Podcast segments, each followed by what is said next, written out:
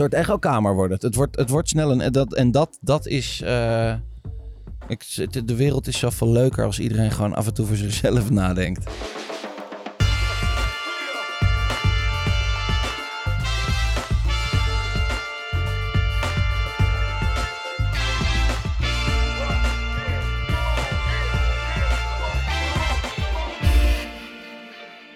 Hallo, goedemorgen, goedemiddag of goedenavond, wanneer u dit ook luistert. Vandaag is het 25 maart. Dat betekent dat u luistert naar de Brief, de podcast over content, marketing en media. We zijn alweer aanbeland bij afleveringetje 51, de tweede van 2019. Aan mijn linkerhand een vertrouwde stem, een warm stemgeluid. Matthijs Tielman, eh, Head of Strategy bij Wayne Parker Kent. Hallo waarde vriend. Hallo. Hoe is het met je? Goed. Heb je een, eh, een eh, goede start van 2019? Ook, ja, na, zeker. ook na die aflevering van met, eh, met de clubbing van de vorige keer. Goede, Ja. goede reacties op gehad? Ja, was goed. Ging Ja. leuk. Veel luisteraars. En ja, het was ook gewoon gezellig in de studio. En volgens mij hoor je dat ook wel. Kijk, Toch? top. Heb je nog leuke content gezien de afgelopen twee weken? Ja, iets te veel, man. Het was moeilijk kiezen. Ehm, nou, ik heb uiteindelijk maar besloten om maar weer eens een ode aan de nieuwsbrief te brengen. Ah. Ehm, dit weekend een beetje aan het lezen. En ehm, ja, toen kwam ik eigenlijk twee van mijn favoriete nieuwsbrieven tegen. Volgens mij zijn ze allebei wel een keer voorbij gekomen in de show.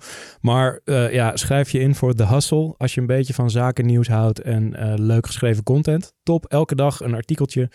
Eh, of een serie artikelen over zakelijk nieuws. Super tof geschreven. Elke dag volgens mij om half zes in je inbox. Ehm, ja, die ging dit weekend hebben ze een, of in het weekend hebben ze een special, die is wat langer. Deze keer ging die over, eh, hebben ze een onderzoek gedaan naar eh, Amerikanen die dronken online shoppen. Het is echt super grappig en eigenlijk best wel bizar ook dat ze dus de gemiddelde Amerikaan die eh, dronken wel eens wat koopt, 80% van de, van de respondenten, geeft ongeveer 444 dollar per jaar uit. Ehm, ja, nog meer allerlei lijpe dingen. Dus voornamelijk kleding, ehm, wat gekocht wordt. Amazon is uiteraard grote speler daarvan. 400 piek per jaar lam. Ja. Zo. Ja, dat is bizar hè? En hebben ze dan ook gespecificeerd waar ze dan hun, eh, hun aankoop in doen? Ja, nou, de categorieën zitten erin. Dus kleding is er één. Ehm, vakanties worden vaak eh, lam geboekt. Impulsief. Eh, uit mijn hoofd ook nog concertkaartjes die, eh, die hard gaan. Dat je gewoon een, leuk dingetje zit te kijken. En uiteindelijk merk je dus ook dat merken daar nu op inspelen. Dus er zijn gewoon webshops die, ehm, die, die late night flash sales organiseren. Om dus gewoon in te hakken op lamme mensen die... ja, die bezig zijn met winkelen. Ja, en de tweede, ja, ik kon niet kiezen, dus ik doe er gewoon twee. Is, Mag. is retesting. Die hebben we zeker al een keer get- getipt. Maar dit artikel was, vond ik eh, super vet. Dat was eh, The Death of the Calorie. Eh, de, de meeteenheid van, van voedsel, eh, voedingswaarde. Eh, en, en dit artikel gaat erover dat ja, dat eigenlijk helemaal nergens op slaat. Die hele metric niet. En dat weten we ook als, als, als industrie al heel lang dat het niet klopt. Ehm, maar ja, het staat helemaal vol met super interessante kroegfeitjes. Zo heb ik geleerd dat één calorie... de term calorieën komt uit de, de stoomtreinentijd. En ehm, ja, dat er bijvoorbeeld één calorie is de energie die benodigd is om één kilo water één graad warmer te maken. Snap je? Goed voor in de kroeg. Ja. Ehm, nee, maar een heel vet verhaal van, van hoe dat dus eh, tot stand is gekomen en waarom er geen reet van klopt van die hele metric en dat we dat eigenlijk zo snel mogelijk overboord moeten gooien. Dus, lang verhaal kort, eh, de hustle en retesting schrijf je in en je krijgt dit soort prachtige verhalen in je inbox. En ik hoef me ook niet meer druk te maken over dat ik nu wat meer calorieën... Nou, dat klopt geen reet van. man. kijk. Vaak is het wel 20% meer dan wat er op de verpakking staat, wat Oh, er echt in zit. Dus, ja, eigenlijk valt hij net de verkeerde Ja, kant op. Gewoon niet meer naar kijken. Anyhow, tegenover ons en aan de, de linkerhand van eh, Matthijs zit zoals altijd Den Gast. En eh, de gast van deze aflevering zit al heel lang in de reclamewereld in de hoek van de strategie om precies te zijn. Werkte zich bij D, het bureau, binnen acht jaar op tot Head of Strategy. Stapte toen over naar Achtung om daar eigenlijk precies hetzelfde te doen. Richtte ondertussen ook nog Studio Kraftwerk op. Wat dat precies is, dat gaat hij ons straks allemaal vertellen. Is ook een van de drijvende krachten achter Account Planners Group Netherlands. Wat u kan kennen als APG, de community van strategen in Nederland. Head of Strategy bij Achtung, McGarry Bowen en Studio Kraftwerk. Boris Nieuwom. Boris, Hi. hoe is het met je? Oké, Eh, goed, ik ben een beetje aan het bijkomen van mijn laatste dronken shopervaring. wat was Wat het? heb je gekocht? Ehm, nee, niks. Ik- heb, heb je een aankoop eh, in je geheugen staan waarvan je denkt, ah ja, dat, heb, dat zou kunnen dat ik toen Nee, niet helemaal... ik, eh, ik niet zelf, maar ik ben, weet, weet wel dat een van mijn beste vrienden ooit, eh toen kwamen we s'nachts met een groepje, toen, hij woonde met een aantal gasten thuis. En toen kwamen we thuis van het uitgaan om nog even bij hun te gaan hangen. Toen zat hij gierend van het lachen in een stoel voor de tv. En verkondigde dat hij zojuist via Telcel een messenset had gekocht. en hij was daar echt heel trots op.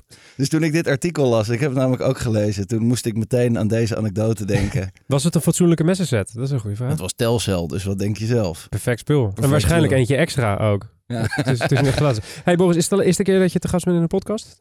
Eh, ja, is de eerste keer dat ik te gast ben in een podcast. En luister je zelf ook podcasts? Ik luister eh, regelmatig podcasts. Heb je een eh, gouden tip al voordat we verder Nou, gaan? volgens mij kennen de meeste mensen hem in het vak wel, maar eh, qua nerden podcast is eh, Exponent toch wel mijn absolute favoriet. De Ja. podcast van Ben Thompson. Heftige podcast vind ik het Het is altijd. wel heel heftig, maar het is, het is al- altijd nog beter dan de stukken lezen. Ja, ja die, Minder heftig nou, dan... die, die stukken die kan ik vijf keer lezen, dan snap ik het eindelijk. Maar in die podcast heeft die man zo'n tempo dat ik altijd denk van holy shit, what the fuck just happened here, zeg maar. Dat, eh, Ja, ver- ik vind het vooral vervelend dat hij, dat hij die Australiër nooit uit laat praten. ja, maar hij heeft zoveel informatie die hij kwijt moet. Ben Thompson. yes. Gaan we checken. Ik vind hem altijd heel erg eh, eh, intimiderend. Als ik het luister, denk ik altijd, oh, ik weet er toch niet zoveel vanaf als dat ik, eh, dat ik van tevoren heb gedacht. Nou, dat gezegd hebben we straks gaan we verder babbelen over Boris. We gaan eerst naar het nieuws. We zitten nog steeds in Den Studio. Zoals u van ons gewend bent, bespreken wij drie nieuwsitems die de media- en marketingwereld in zijn of haar ban hebben gehouden. Het eerste item eh, komt eh, van de Duitsers. Eh, de Duitse overheid had namelijk een campagne waarin zij de consument opriep om vooral een fietshelm te dragen. Maar die campagne liep een beetje verkeerd, althans die viel een beetje verkeerd. Eh, hoor ik daar het woord ophef. Eh, want eh, in die campagne-uitingen zagen we allemaal ha- halfnaakte modellen met een helm op. met daarbij kreten als: Het ziet er misschien niet uit, maar het redt wel mijn leven. Dat was een beetje de boodschap. Best wel guitig, best wel geestig. Maar goed, er waren weer tepels in te zien. Dus er was er iemand helemaal over de, over de zeik. Ehm, eh, er waren vrouwelijke leden van de regeringspartij SPD. die zeiden: Moeten we nu met naakte modellen deze boodschap over, de, over de bühne brengen? En die campagne kwam dus onder vuur te leggen. Maar waar sommige adverteerders dan meteen alle troepen terugtrekken, zei het ministerie in een reactie op Twitter dat eh, de campagne bedoeld was voor een jongere doelgroep en dat ze de campagne eh, gewoon door laten gaan, ondanks dat ze de aanmerking op de campagne wel begrijpen. Vond ik wel een opvallend nieuwsverhaal, want normaal lees je ophef en eh, schieten marketingmanagers een beetje in de stress en trekken ze alles terug en is het, oh, zo hadden we het allemaal niet bedoeld. Sorry, sorry, sorry. En nu zeggen ze gewoon, dit was exact de reactie die we eigenlijk verwachten, Matthijs. Wat, wat vond jij van de campagne? Kon die, kon die niet? Ja, ik vind het wel kunnen voor zover ik eh, daar eh, een autoriteit op eh, ben. Maar nee, ik, ja, het is in die zin echt geen shockende campagne. En ik denk als jij een beetje verdiept in de doelgroep, namelijk de jongeren die geen fietshelmen meer dragen, ja, dan moet je toch iets maken wat ze aanspreekt, wat opvalt. Ehm, ja, en ik zag dat die mevrouw die, die de ophef veroorzaakte zelf iets had getwitterd, geloof ik, wat een alternatief moest zijn voor deze campagne. Ja, dat ging ook niet helemaal werken. Ehm, nee, dus ik denk dat het in die zin gewoon een goede campagne is. En, en ja, de ophef eh, werkt denk ik alleen maar in het voordeel van deze, deze campagne. Ja, misschien was het wel een bewustie. Boris, had je hem, heb je hem gezien toevallig? Nee, ik heb hem niet gezien. Oké. Als, het, als ik het zo een beetje uitleg, wat Ja, denk je dan? Ik heb, ik heb wel een beeld, denk Ja? ik. Ja. Eh, eh, is het, hoe, wat is jouw standpunt ten opzichte van ehm, eh, de adverteerders die reageren op, op de ophef? Zo vaak zo krampachtig. Is dat iets wat je herkent? Of- Of? Ja, nee, ik vind het altijd wel mooi als iemand voet bij stuk houdt en zegt, ja, dit was ons plan en eh, we, we kijken wel hoe het uitpakt. Ehm, ik vind bij dit soort specifieke dingen altijd wel dat ik denk, oké, welke gedachte zit erachter dat als je blote dames met een helm op laat zien in een advertentie, dat Ook jongeren heren, dan hè? denken... Ook heren. Ook heren. Ja, ook heren overigens. Ah, oké. En Dat mensen dan denken, oh, nu ga ik ook een helm opzetten. Ik heb bij dit soort campagnes altijd een beetje het gevoel dat je vooral het beeld bevestigt van, ah, kennelijk draagt niemand een helm, anders was deze campagne niet nodig geweest. Maar los van die twijfel eh, vind ik het goed dat iemand, zeker namens de overheid, wat toch niet altijd te boek staat eh, als de meest progressieve campagnes, gewoon zegt, dit was het plan en eh, we gaan hiermee door. Ja. ja, erg standvastig. Dat eh, in, eh, de vraag is ook een beetje wanneer we het betitelen als ophef en wanneer niet. Weet je wel? Wanneer heeft de NOS.nl in dit geval gewoon een stukje te vullen en wanneer is er daadwerkelijk maatschappelijke ophef, ophef hierover. En dit is ook nog, speelt ook nog eens in de politiek, dus het riekt ook nog wel een beetje eh, dat de, ene partij ten, koste van een andere partij een puntje probeert te scoren in de publieke opinie. Maar goed, dat gezegd hebbende, eh well done, campagne blijft gewoon draaien.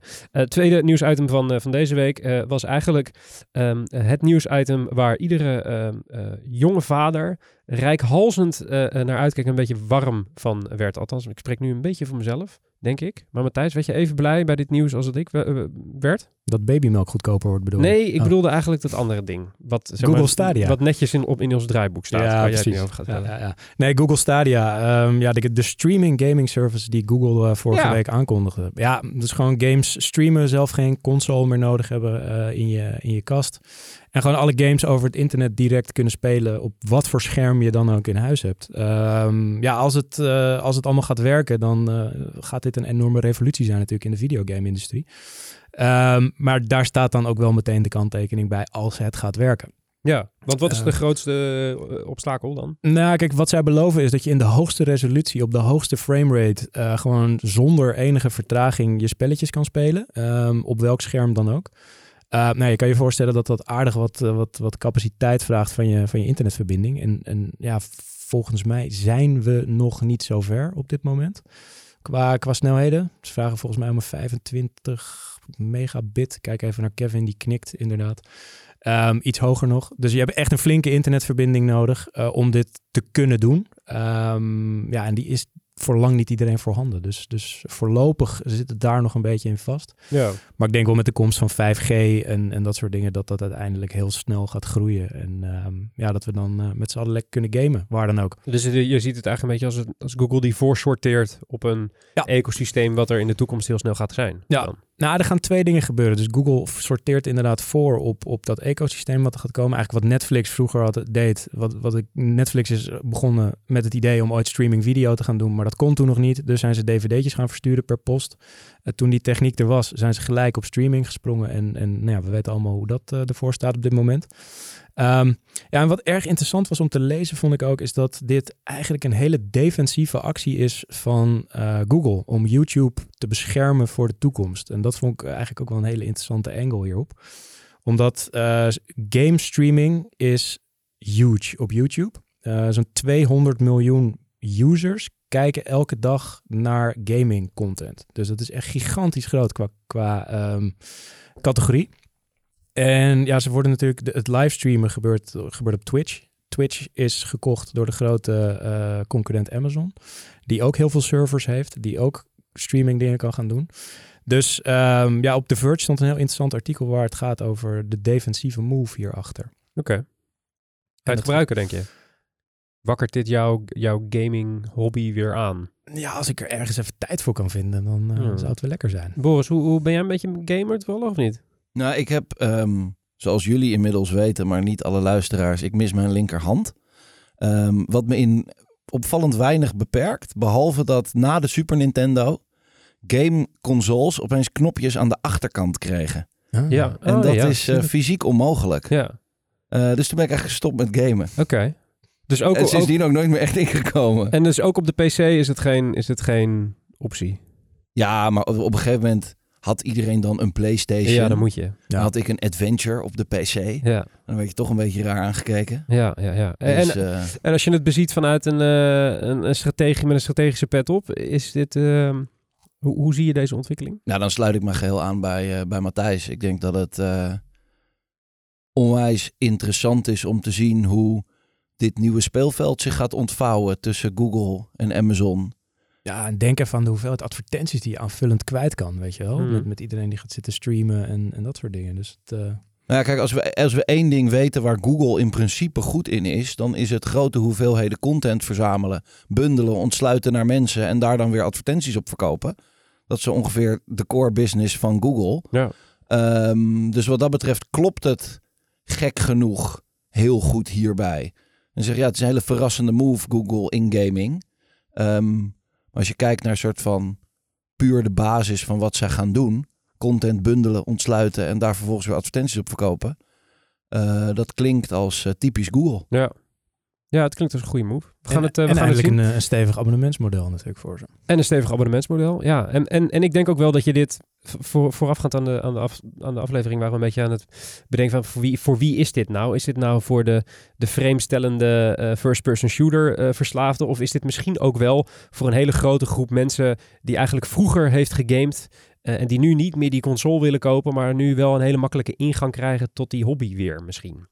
Ehm, dat zou het natuurlijk ook kunnen zijn. We gaan het, eh, we gaan het zien. Wanneer eh, staat dit allemaal te gebeuren, eh, Matthijs? Volgens mij staat het op de planning voor eind van dit jaar dat je, dat je aan de slag kan. Oké, dus top. dat, We gaan het zien. We gaan het zien.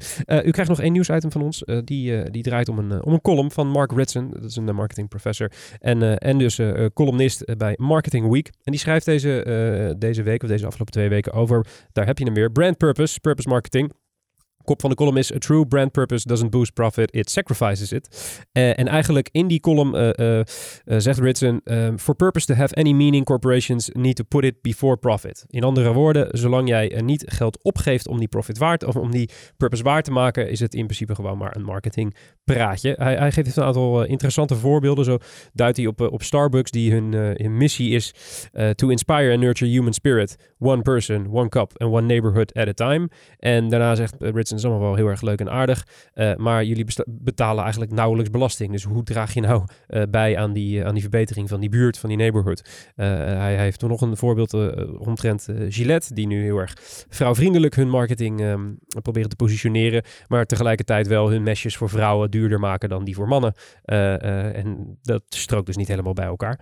Ehm, een mooie, mooie uiteenzetting van, eh, van de hypocrisie die er in, purpose marketing eh, eh, leeft. Ehm, had je iets aan te merken hier, eh Matt, op? Of ben je helemaal eh, down met wat, eh wat Ritson zegt? Nou, ik, ik vind, het, vind het helemaal terecht. Wat hij ook verder nog zegt, is dat inderdaad bedrijven die, die ja, gebouwd zijn op dit soort principes, ehm, ja, dat die dit probleem niet hebben. Maar dat het heel moeilijk is om je als bedrijf te reverse engineeren, zeg maar, om daar Ja. te gaan komen. En ja, daar haalt hij toch het, het ons favoriet Patagonia ook weer aan, die dat gewoon ja, in hun DNA hebben zitten en, en het leven. Ja, Dus eh, nee, niks op aan te merken. Mooi stuk. oké. Bo- Boris, hoe, hoe zie jij die trend purpose marketing? Is het... eh, wat, wat, stel een, een merk komt naar je toe en zegt, joh, eh, dit willen we oppakken. Is dan jouw advies, eh, nou, voer het allemaal helemaal door? Of eh, wat, wat, hoe, hoe zie jij dit?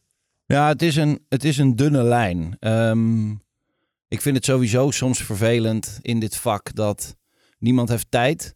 Dus dan ga je naar een congres om even snel bijgepraat te worden. En dan opeens is alles wat daar gezegd wordt, is waar.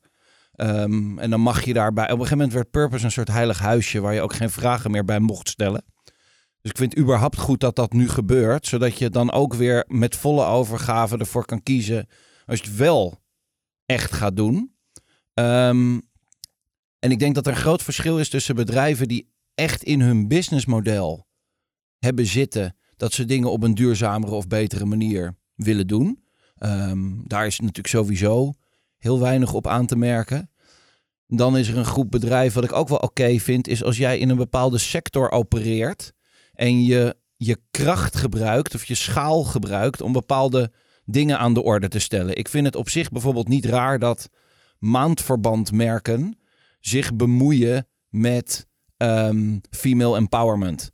En schaamte rondom bepaalde onderwerpen wegnemen. Dat zegt niks over hoe dat maandverband wel of niet gemaakt wordt. Maar zij zijn natuurlijk wel in de positie om zo'n soort statement te maken. Ik denk dat precies het gebied daartussen is waar het vaag wordt. Is waar je marketing gaat gebruiken om te doen alsof er in je product of je businessmodel wezenlijk iets anders is. Ja. Terwijl dat helemaal niet het geval is. En daar ben ik dan altijd een beetje allergisch voor. En, en is dan ook, om hem even door te trekken in jouw voorbeeld, zo'n maandverbandenmerk in jouw ogen eh, verplicht om ook naast dat marketingverhaal eh, iets te doen om die kwestie op te lossen? Of is dan de effort die ze steken in het communiceren van zo'n probleem of het aankaarten van zo'n probleem voldoende? Nee, het is natuurlijk wel mooi als je daar vervolgens iets mee kan. Ehm, wij hebben net zelf gewerkt aan eh een nieuwmerkstrategie voor Weekamp. Ehm, en daar zie je echt dat dat bedrijf zich het tot doel heeft gesteld om er voor vrouwen te zijn in iedere fase van hun leven. Dat komt uit een hele simpele productwaarheid, namelijk dat Weekamp ook producten heeft voor vrouwen in iedere fase van hun leven. Eh, en wij zijn eigenlijk al een jaar druk met hun ook bezig om er wel voor te zorgen dat dat meer wordt dan communicatie alleen. Ja. Want dan blijft het wel een beetje hol. Ja, en dat, betekent dat dan ook automatisch dat dat merkverhaal de bedoeling heeft om voor een langere tijd te lopen dan de traditionele? Ja, dat is niet één campagne. Nee. Dat is, eh, nee, dat is, dat is je inzien als merk dat, dat je iets kan betekenen voor je consument. En wel proberen om daar dan ook wat mee te doen. En dat heb je niet van vandaag op morgen af. Precies. Lange termijn. Lange termijn. Met deze eh, mooie uitspraken zijn wij aangekomen tot het einde van het nieuwsoverzicht. Mocht u nou iets gehoord hebben waarvan u denkt, hey, dat was interessant, waar ze naar refereerden, Matthijs, Boris of ikzelf, dan kunt u dat allemaal terugvinden in de show notes. Die stoppen wij in de beschrijving van deze aflevering. Die zult u dus niet meer vinden op onze website, maar in de beschrijving van deze aflevering veel makkelijker. één klik op de knop en dan bent u bij iedere referentie die wij doen in deze aflevering en nog gaan doen in het interview, want daar gaan we nu heen. Inmiddels weet je waarschijnlijk wel dat de brief gemaakt wordt door Wayne Parker Kent. Daar werk ik en daar werkt Matthijs. En, en wellicht werk jij binnenkort ook bij ons. Want we zoeken non-stop nieuwe talentvolle mensen die ons komen versterken. Dus ben je een mediastrateeg, accountmanager, redacteur, copywriter, designer, developer, projectmanager, videoproducer. Zoek je een stage, een fulltime job, parttime job, freelance job of heb je gewoon een vet idee? Uh, whatever, dan zijn we wellicht dus op zoek naar jou en zouden we graag een kopje koffie met je drinken. Alle openstaande vacatures vind je op wayneparkerkent.com slash jobs. En wat je ook kan doen is klikken op het linkje in de beschrijving van deze aflevering.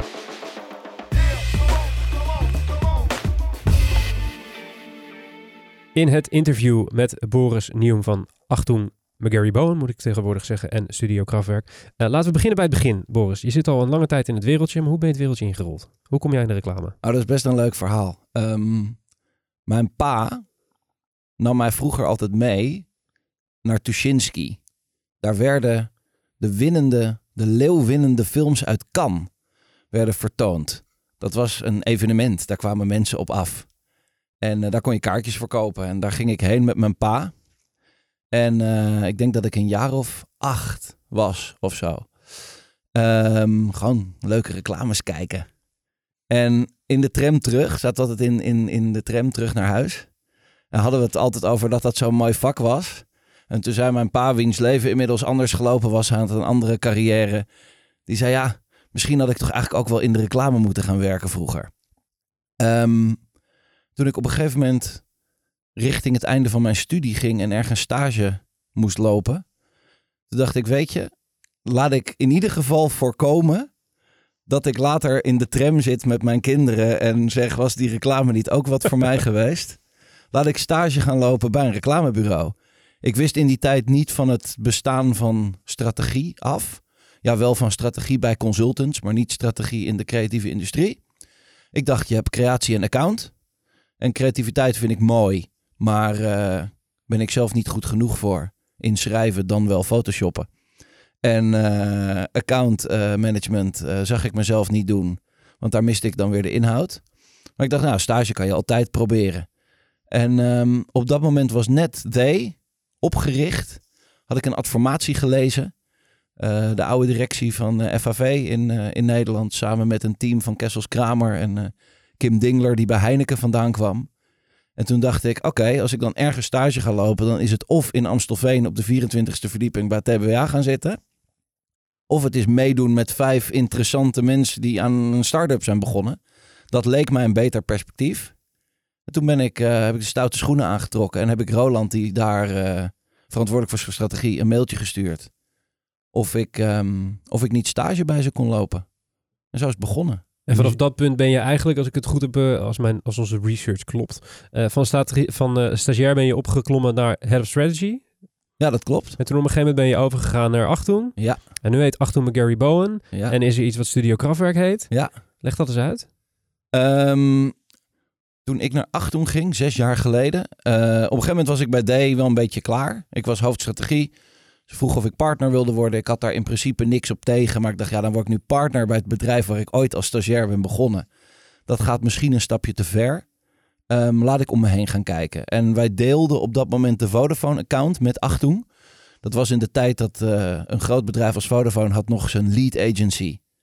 Dat uh, verantwoordelijk was voor strategie en concept en dan met name de executie in ATL. En dan een digitaal bureau erbij. Die mocht het budget opmaken en daar hele leuke dingen mee doen. Um, dus ik werkte al veel samen met, uh, met Dick en Mervin. En um, op dat moment realiseerden we ons dat die wereld vrij snel op ging houden. Met die scheiding tussen digitaal en traditioneel. DDB en Tribal waren net gefuseerd. Uh, dus de grote bureaus begonnen hun beentje bij te zetten op digital. En we zeiden, moeten we dat niet omdraaien? Waarom kunnen wij niet als digitaal bureau uh, de concurrentie aan met de traditionele lead agencies?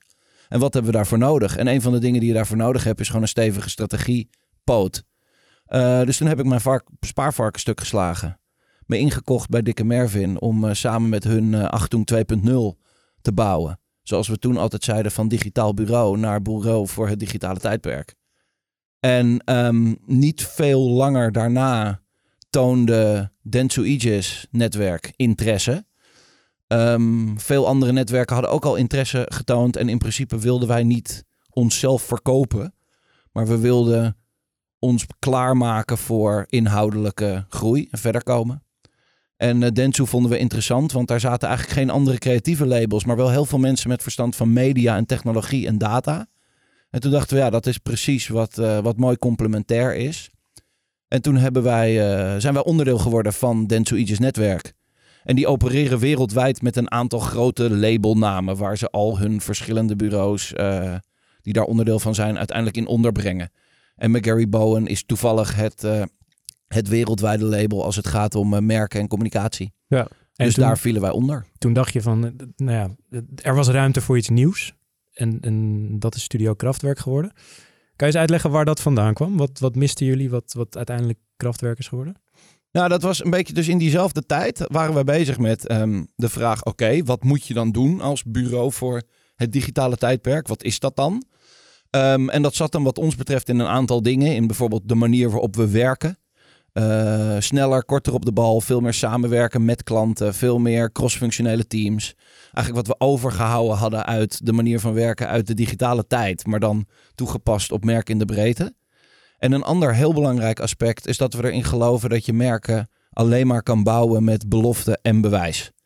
En waar, dat was eigenlijk altijd mijn grote frustratie in de reclamewereld, dat ik nooit aan het product mocht komen. Dus dan kreeg je een briefing met een product en daar moest je dan een leuk verhaal over vertellen.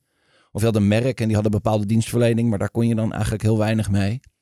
Terwijl ik wel zo was opgevoed door Roland en door de mensen bij D. Van ja, je strategie, dat is ook een soort stip aan de horizon waar je als bedrijf naartoe wil. En dat is meer dan alleen maar de verpakking.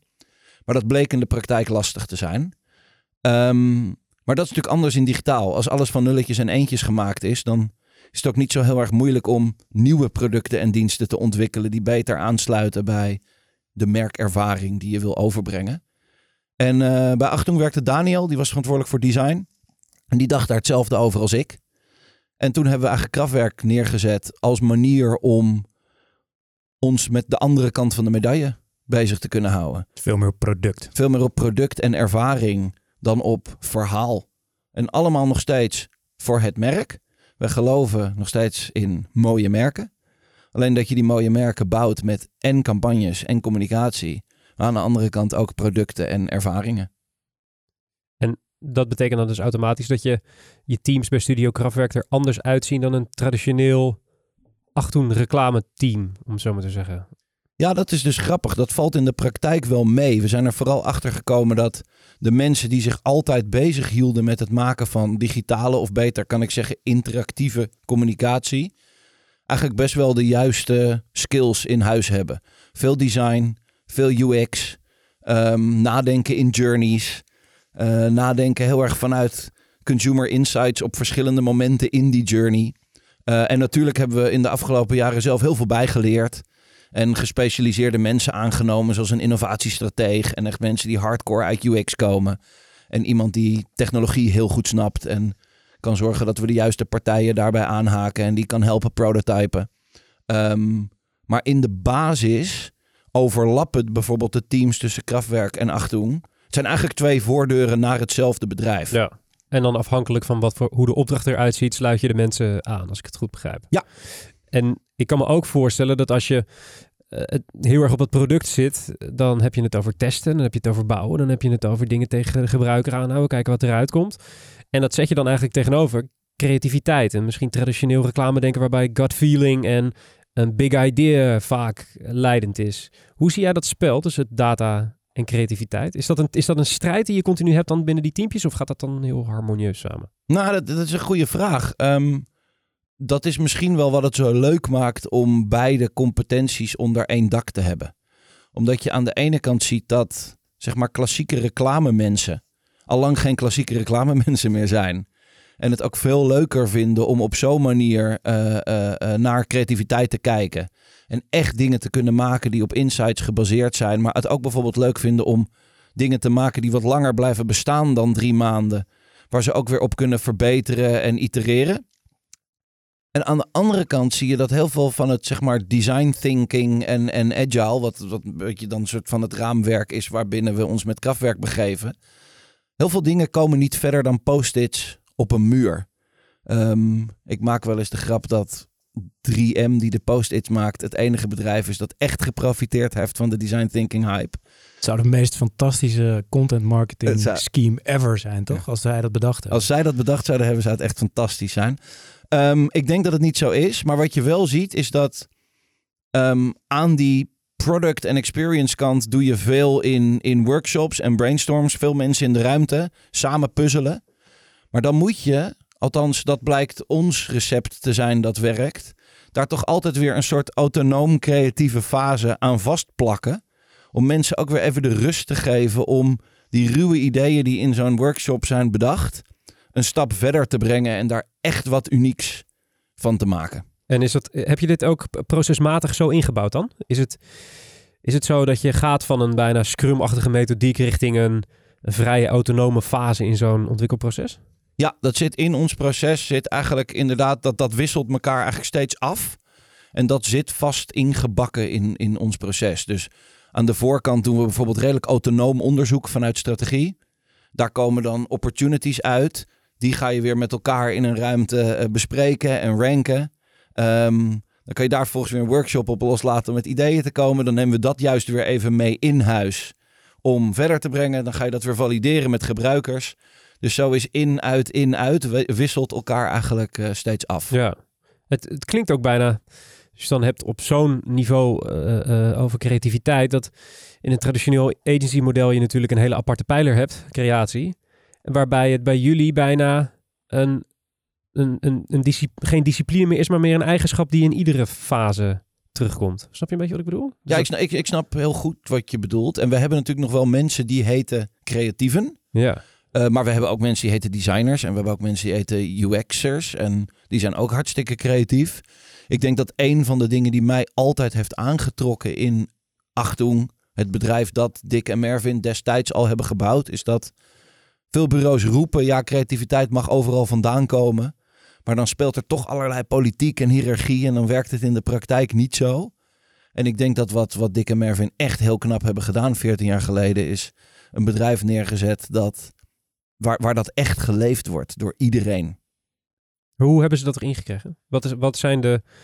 Stel, ik, ik, ik hoor dit zo en ik denk, ja, maar wat zijn praktisch... Hoe, hoe krijg je het erin? Zijn dat bepaalde veel saves in je proces? Of zijn dat, zit dat in je onboarding met nieuwe mensen? Of waar, hoe komt dat, dat dat er is? Ja, daar hebben, we- daar hebben we het onderling natuurlijk veel over, want dat is misschien wel de kern van, van onze cultuur. Ehm, en die willen we ook bewaken, koste wat kost. Het zit hem in een aantal dingen. Ehm, makers heel belangrijk maken. eh, is, is daar één van. Er is een reden dat bij ons de studio letterlijk het hart van het bedrijf is. En alles gebeurt daaromheen. Zodat niemand zich kan verschuilen achter gelul en achter slides. Maar het uiteindelijk echt gaat om, om, om wat je maakt. Ehm Achtung speaks louder than words is ons interne eh, mantra. Ehm, het heeft te maken met wat voor mensen je aanneemt. We zijn heel erg op zoek naar ondernemende mensen die niet bang zijn om zelf iets te proberen en te kijken wat er gebeurt. Welke rol je ook hebt in het bedrijf. Ehm, en het zit hem in, in, in, in snoeihard zijn op één ding. En dat is mensen met een te groot ego. Dat lijkt me nogal moeilijk in ons wereldje, af en toe. Ja, maar er is niks mis met een groot professioneel ego.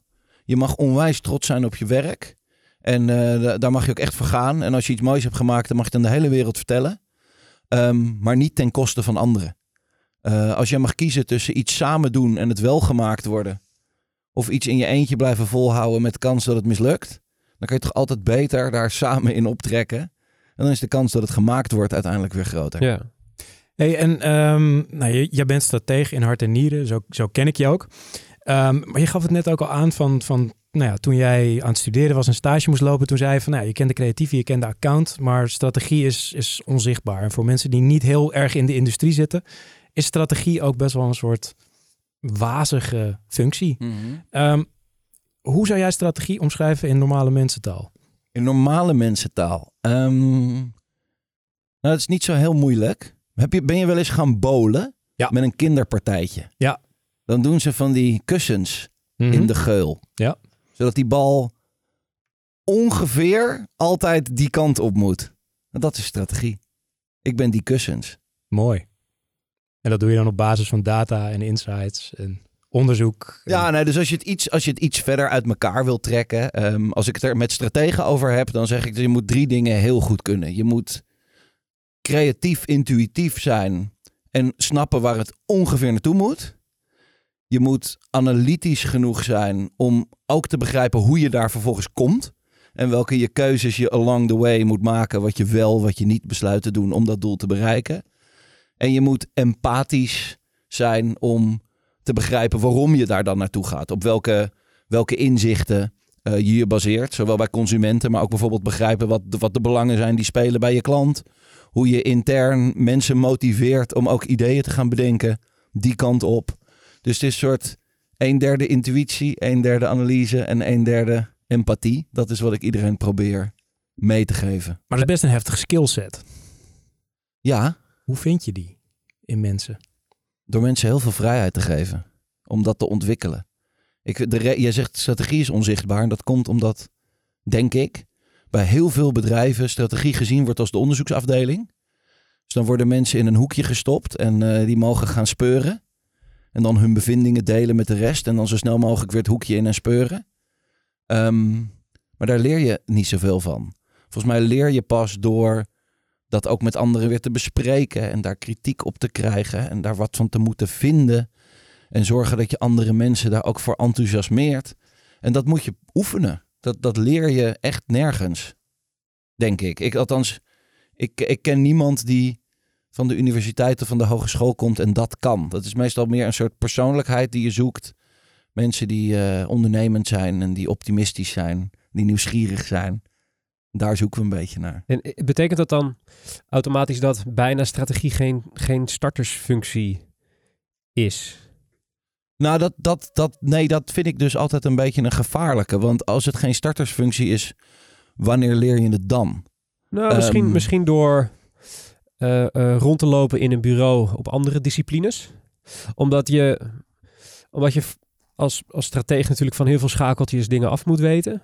En misschien op zo'n manier, door een van die schakels te zijn geweest, pas echt begrijpt hoe de machine werkt. Snap je wat ik bedoel? Ja, ik snap, ik snap wat je bedoelt. En ik, het, ik denk dat het ook wel kan werken.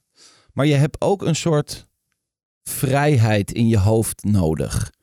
En ik denk dat als heel veel strategen beginnen bij account en raken geobsedeerd door het proces. En je moet als stratege ook af en toe geflankeerd kunnen worden door iemand die dat stukje regelt. Zodat je Zodat je dat kan doen en zodat je, zodat je om je heen kan kijken en de vragen kan stellen die niemand anders durft te stellen. En als, als je als creatief begint, dan ben je heel erg bezig met het vullen van je eigen portfolio. Dus ja, ik, ik merk voor mezelf, ik heb er onwijs veel aan gehad om gewoon vanaf dag één in het diepe gegooid te worden. Heel veel op mijn bek te gaan. Echt eh, huilend meetings uit te komen omdat ik het allemaal niet meer zag zitten. Gefrustreerd reviews met creatieven uit, uitlopen. En ze doe niet wat ik wil. En er dan achter komen dat het zo natuurlijk ook niet werkt. Ehm, en volgens mij is de enige manier waarop je dat kan leren, is door het gewoon heel vaak te doen. En is er, is er een fout die je destijds in je beginjaren maakte, die er af en toe nu nog wel eens insluipt? Eh, ja, zoveel. Noem eens wat. Ik ben, eh, ik ben soms een beetje ongeduldig. Dat eh, zal iedereen die met mij werkt herkennen. Ehm, en dat, vind ik ook, ja, dat vind ik ook helemaal niet erg als ik daarop aangesproken word. En denk, oh ja, dan schakel ik een tandje terug. En dan vind ik, is het eigenlijk ook vaak wel prima. Ehm, ik ben soms perfectionistisch. Hoewel gelukkig steeds minder. Want ja, soms moet je gewoon ergens beginnen. En vanaf daar verder ontwikkelen. Ehm, maar dat heb ik echt moeten leren. Ehm ah, dat soort dingen. Waar ben je goed in? Waar ik goed in ben. Ehm, in mensen enthousiasmeren voor iets waarvan ze daarvoor nog niet dachten dat ze er enthousiast voor waren. Hoe doe je dat? Door te laten zien. Ik doe dat door te laten zien dat ik oprecht ergens in geloof. En dat ik niks doe voor mijn eigen belang. Er zijn wel dingen die ik voor mijn eigen belang doe, maar in, in het vak niet. Ik heb professioneel wat dat betreft een heel klein ego. De beste oplossing voor dat moment is de beste oplossing voor dat moment. En verder maakt het me allemaal dan niet zo heel erg veel uit. En betekent dat dan dat je strategieën alleen kan ontwikkelen voor merken waar je dan echt ook daadwerkelijk in gelooft? Of kan je soms daarvan afwijken? Ja, dat, ja. dat is iedere dag het dilemma. Ik, ik vind het heel moeilijk om te werken met mensen waar ik niet in geloof. Ehm, maar ik hoef niet per se. Ik vind het te leuk soms om het puzzeltje op te lossen. En inmiddels vind ik het eigenlijk veel leuker om andere mensen in staat te stellen om dat puzzeltje op te lossen dan dat ik het per se zelf hoef te doen. Maar ik kan in ieder puzzeltje iets vinden dat de moeite waard is om op te lossen. En daar dan ook mensen in meekrijgen. Behalve als het echt dingen zijn waar ik bijvoorbeeld, ja, er zijn bepaalde categorieën waar ik eh, echt liever niet voor zou werken, omdat dat gewoon de wereld schade, echt schade doet. Ja. En is, is er een soort van overkoepelend ding wat er bij veel merken bij het leggen van die puzzel verkeerd gaat? Eh, Jezus, de, de, de grand unifying theory of everything. eh, als we die hebben. Nee, je- ja, je ziet heel veel dingen verkeerd gaan. Of je ziet een aantal dingen eigenlijk steeds verkeerd gaan. Korte, lange termijn is er eentje. Denk ik tegenwoordig meer dan ooit. Ehm, de wil om alles vooraf bewezen te hebben. Wat niet kan. Je moet soms echt ergens in geloven. Ehm, Dat lijkt me moeilijk in de, de context die je net hebt geschetst, hè, hoe, jullie, hoe jullie werken. Dat daar misschien soms nog wel eens wat strijd ontstaat. Dat de ene hoek van je bedrijf dingen wil valideren tot, totdat ze niet meer te valideren vallen bijna. Mhm. En, en dat je aan de andere kant dan iemand hebt die zegt, kom op, laten we er gewoon in geloven en gaan we die banaan en dan zien we wel waar we uitkomen. Ja, hoe, dat, dat snap ik dat je dat zegt. En tegelijkertijd is dat, dat onderscheid ook minder groot. Want dat valideren. Wij valideren vooral op het moment dat er iets op tafel ligt om te valideren. Maar dan heb je eerst al een keer iets, toch een keer iets moeten maken. Het, het, het lekkere van prototypes maken vind ik juist dat je redelijk vrij bent om gewoon iets, iets, iets te proberen. En dan te kijken wat er gebeurt. In plaats van dat je het helemaal van tevoren dicht probeert te timmeren. En eigenlijk met merken bouwen, ja, die campagne die is er maar één keer. Maar ik hoop toch altijd wel dat de merken waarvoor wij werken, dat dat strategieën zijn die wat langer duren dan één campagne. Zodat je ook van je campagnes kan leren, Leren. en daar weer op verder kan bouwen. En heb jij een bepaalde, ehm, ja, zeg je dat, eh, bepaalde stappen die je doorloopt om, om voor jezelf tot een, een inzicht of een idee te komen? Douchen. Ja? Ja. Ik krijg altijd ideeën onder de douche. Dat hebben denk ik veel andere mensen ook. Douchen of fietsen. Maar verder is er niet een... Nee, sterker nog, ik, ik heb bijvoorbeeld heel erg van Daniel geleerd. Dat, dat kan hij echt veel beter dan ik. Om het proces dat je zelf doormaakt ook expliciet te maken. En dat dat ook repliceerbaar wordt en dat andere mensen daarmee kunnen werken. Ik ben zelf een wat intuïtievere denker, denk ik.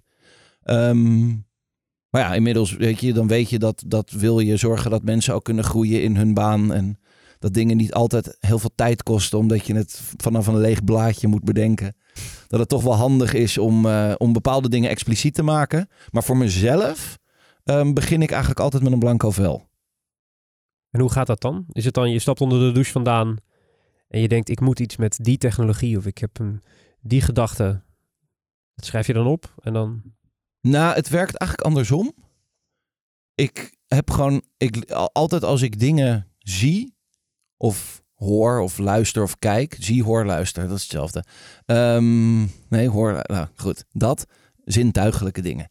Eh, nee, ik vind het, ik, ik kijk veel documentaires, ik luister veel podcasts, ik ga naar de film, ik ga naar musea, ik, luister, ik, ik hou van verhalen. Ik hou er ook van om random een avond in een kroeg te lullen met iemand die ik nog nooit gesproken heb daarvoor. En in principe sla ik heel veel soort nuggets sla ik op in mijn hoofd. En op het moment dat er dan een briefing of een opdracht of een nieuwe klant voorbij komt, dan doet me dat altijd denken, vaak, aan iets wat ik eerder heb gezien of gehoord of gelezen, wat uit een hele andere hoek kan komen. En dan meestal pak ik dat er dan weer even bij. En dan is dat soort van mijn startpunt. Een soort Ja. rare parallellen vinden. En is dat dan, dan, dan jullie werken natuurlijk met veel nieuwe technologieën en nieuwe ideeën en dingen waar eigenlijk misschien dan nog niet in, in het verleden een campagne omheen is gebouwd.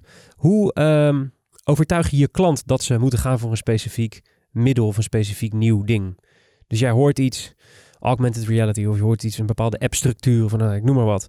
En dan denk je, oké, dit is een goed idee, we hebben een prototype, dat testen we op gebruikers.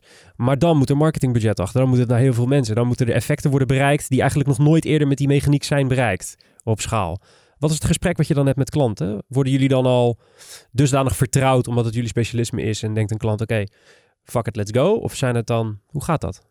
Nee, wij worden helemaal niet vertrouwd. En dat is maar goed ook, want dan uh, dat houdt je scherp. Nee, um, nou, door eigenlijk precies niet het op die manier te doen. Dus de, technologie of het middel is voor ons nooit een uitgangspunt. Zelfs onze technologist, Luke, begint niet met technologie. Um, en dat, dat, dat, dat verkondigt hij ook altijd heel hard. En dan kijken mensen hem heel raar aan. Die snappen het dan niet meer. Um, nee, wij beginnen met mensen. Met menselijk gedrag en menselijke behoeftes. Om dan te kijken hoe kunnen we dat invullen. En is er misschien iets in de wereld dat ons kan helpen dat te doen. Um, en dat kan technologie zijn. En dat is het ook vaak. Maar dat heeft altijd een doel. We hebben voor Karwei, leuk, leuk voorbeeld. Wij zijn bezig met een project hoe we inspiratie over het, uh, hoe zeg je dat, redecoraten van je huis beter naar de winkel kunnen brengen.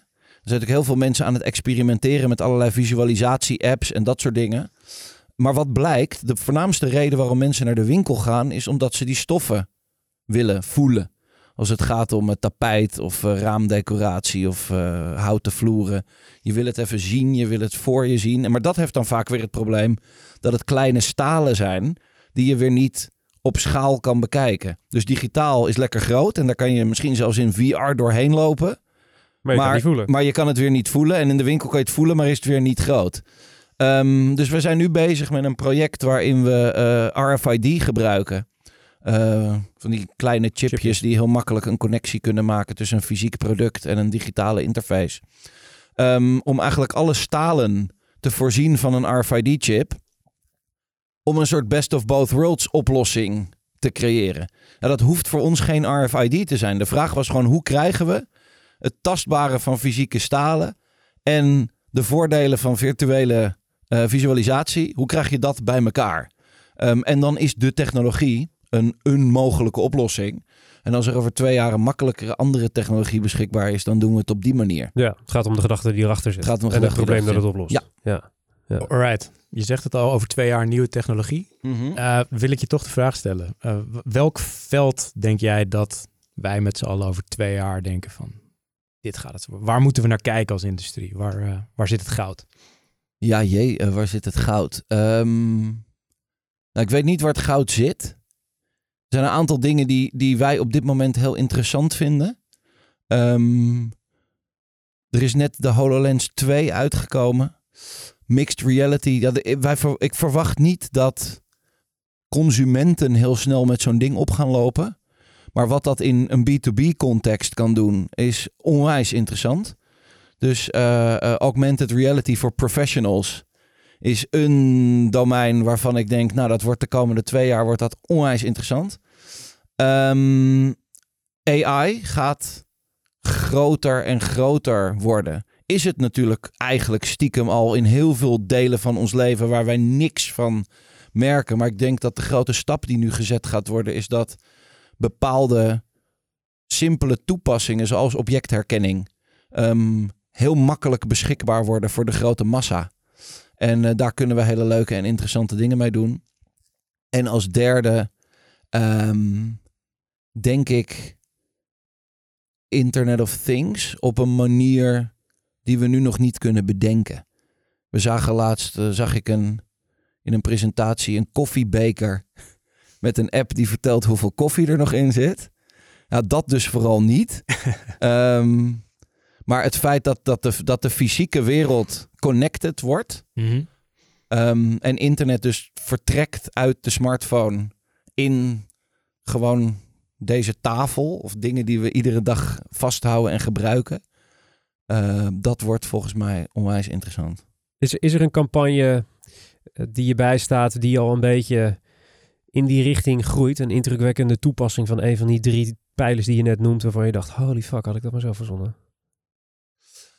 Ehm, wij werken. Nee, er zijn een aantal. Het zijn niet altijd campagnes, maar, merkgerelateerde... merkgerelateerde dingen. Nou, ik, ik vind dat eh, eh, eh, Philips is een, is een klant van ons. En wat die op dit moment aan het doen zijn in de gezondheidszorg. En hoe zij connected producten willen gebruiken om eh, mensen te helpen een gezonder leven te leiden. Maar bijvoorbeeld ook eh, VR of AR gebruiken om patiënten een betere ervaring te geven eh, als zij bij de dokter of in het ziekenhuis zijn. Ehm, dat is wel iets waar ik met veel bewondering naar kijk. Ehm, überhaupt die hele gezondheidszorgkant. Dus ook weer, terugkomend op AI. ehm, bepaalde onderzoeken veel goedkoper en beschikbaarder maken. Eh, diabetespatiënten gaan, eh, gaan hier een hoop aan hebben. Ehm, andere eh, voorbeelden. Ehm, dus daar, daar gebeurt in die, in, die, in die healthcare kant echt een, een heleboel mooie dingen. En ja, eens even verder denken. Wat is nog meer een mooi voorbeeld? Ik zag laatst iets absurds. Dat vond ik fantastisch. Ehm, een bedrijf dat grafische kaarten, volgens mij is het Nvidia. Die hebben een AI ontwikkeld die getraind is op de database van Flickr. Alle de fotosites. Ja.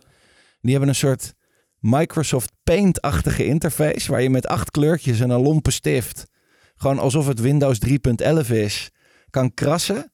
En dan zet hij dat om door middel van die foto's in een fotorealistisch landschap. Dus je kan met bruin een beetje krassen, zeggen nou dit is een grasveld en dan een blauwe lijn erdoorheen, dit is een meertje en dan een berg en de groene driehoek en dat is dan een berg. En hij regenereert een foto. En hij, re- hij, hij genereert een foto op basis van wat jij daar getekend hebt. Bizar.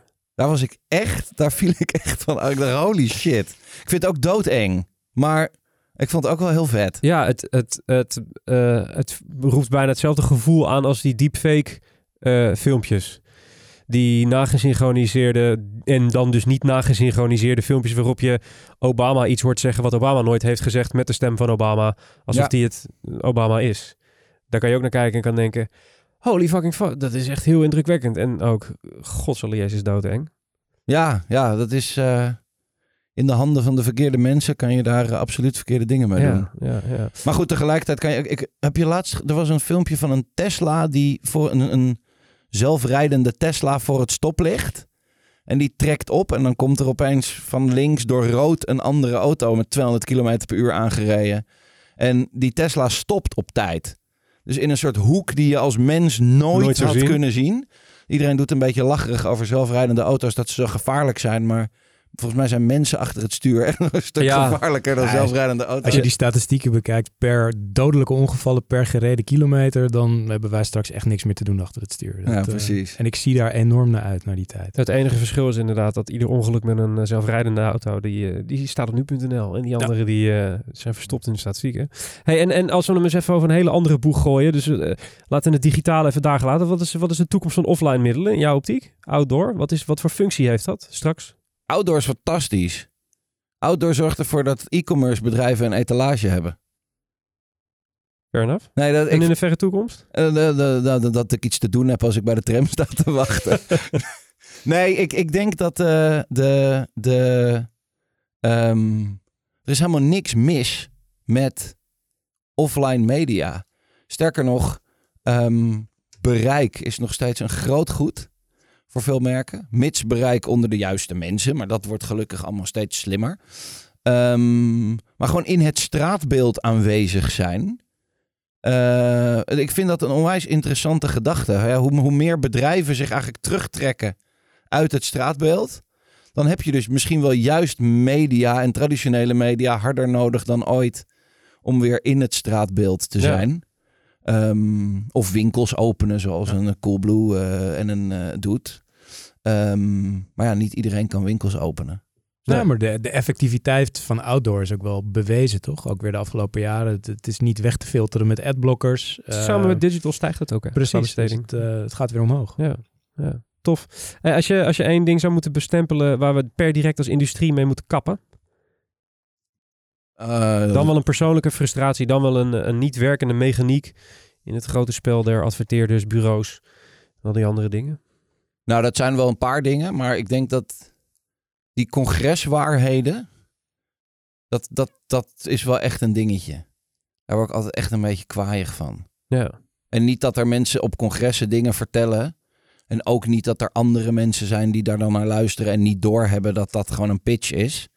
Ehm, dat vind ik allemaal niet zo erg. Maar dat, dat, dat, dat dingen zo snel opeens een, een soort religieuze waarheid kunnen worden. Waardoor komt dat, denk je? Ja, omdat mensen het toch makkelijk vinden om zich in te dekken. Eén keer per jaar van een congresje, dan ben je weer bij en dan eh, kan je weer een jaartje mee of zo. Nou, het, is, het, het gaat niet om dat die congressen zijn prima, maar dan is er een congres. Iemand moet daarover schrijven. Dus die gaat dan toch weer een paar van die dingen opschrijven. En dan is het waar. En dan wordt ergens anders weer het belangrijk, want het stond ook in dat blad. Dus daar zit een soort self-supporting news cycle in. Een echokamer. Een soort echokamer wordt het. Het wordt, het wordt snel en dat, en dat, dat is. eh, ik, de wereld is zoveel leuker als iedereen gewoon af en toe voor zichzelf nadenkt. Dat is eh, waarschijnlijk de kop van ons adformatieartikel die je er net, eh, die je er net uit, uh, uitblaat. We zijn alweer, het is snel gegaan, we zijn alweer aan het einde van het interview. Maar we hebben Oh, altijd een vaste slotvraag. Daarin mag je de beste content tippen. En content is een hele brede definitie. Dus dat mag een, een outdoor uiting, een boek, een mp3-bestand, een wallpaper op je iPhone. Oh ja. Wat je wil. Um, ik heb een serie op Netflix gezien. Go. Die nog niet zo heel veel mensen gezien hebben, volgens mij. Want echt die, tegen iedereen die ik het vertel, die zegt... Huh? Uh, tabula rasa. Uh, ja. Huh? Die, huh? Nee, die, werd, die werd laatst getipt ook door een gast. Wie was dat ook alweer? Ben ik de tweede? In ja, deze podcast? Getipt. Ja, ja, ja, ik weet even niet zo gauw meer wie nou, we hebben was. hem allebei niet gezien, want Nee, we, we nee, hadden allebei een he. Nee. Maar uh, gooi, hem, gooi hem er eens in. Wat, uh, wat, Tabula Rasa is een, ik moest uh, Tabula Rasa is een, een, een, een drama-serie met Veerle Batens. Of Batens, AE. Ik weet niet hoe je het op zijn Vlaams precies goed uitspreekt. Um, zij speelde ook in de Broken Circle Breakdown. Um, misschien, oké, okay, dan is dat tip misschien wel een van de mooiste films die ik ooit in mijn leven gezien heb. En het is fascinerend, want het gaat over een vrouw die haar geheugen verliest als gevolg van een ongeluk. Um, en vervolgens beschuldigd wordt van allerlei vervelende dingen waar zij zichzelf niks meer van kan herinneren. En bovendien last krijgt van allerlei visioenen. Dus het begint als een soort horror. Totdat je erachter komt dat dat eigenlijk gewoon haar visioenen zijn. En het vooral een soort totaal geschift familiedrama blijkt te zijn. Oké. Okay. En het is echt heel goed. Het is verschrikkelijk goed geacteerd. En ik heb in tijden niet iets er in zo'n rap tempo doorheen gebinged. Het is Vlaams, toch? Het is Vlaams. Goed, ja, ja. Hoeveel afleveringen? Weet je, een stuk of twaalf of zo. Gewoon één seizoen. Kijk eens aan. Het is echt heel goed. Waarom komt dat dan niet in mijn algoritmische uh, zeil naar Omdat voren? jij Birdbox moet kijken, verdomme. Kijk fucking Birdbox. En nu, nu triple... Triple Frontier Triple is Frontier. het volgende wat ze door Ja. je strot heen willen. Ik heb hem al drie keer gezien. Nee. uh, Boris Nieuw van Achter met Gary Bowen. En Studio Kraftwerk. Hoe was het? Superleuk. Ja? Dank je voor de uitnodiging. Heb je uh, een beetje uh, genoten in onze studio, ondanks de temperatuur in ons uh, iets wat koude kantoor? Ik vind het hartstikke meevallen. Ik vind het heel warm en knus met jullie. Oh, kijk eens wat warm. Oké, okay. kom snel een keertje terug uh, en kom ons dan vertellen welke congreswaarheden we absoluut moeten gaan vergeten. Uh, aan mijn linkerhand nog altijd Matthijs. Hoe was het? Gezellig. Was het, uh, was het uh, als vanouds, ondanks de iets wat dalende temperatuur? Ja, ja. ja, ik, ja uiteindelijk al naar gelang de uitzending vorderde, werd het steeds wat warmer. Dus uh, ik ben comfortabel. Je bent comfortabel. Ja. Ach, heerlijk. Meer kan ik niet, meer kan ik niet wensen. we zien je over twee weken.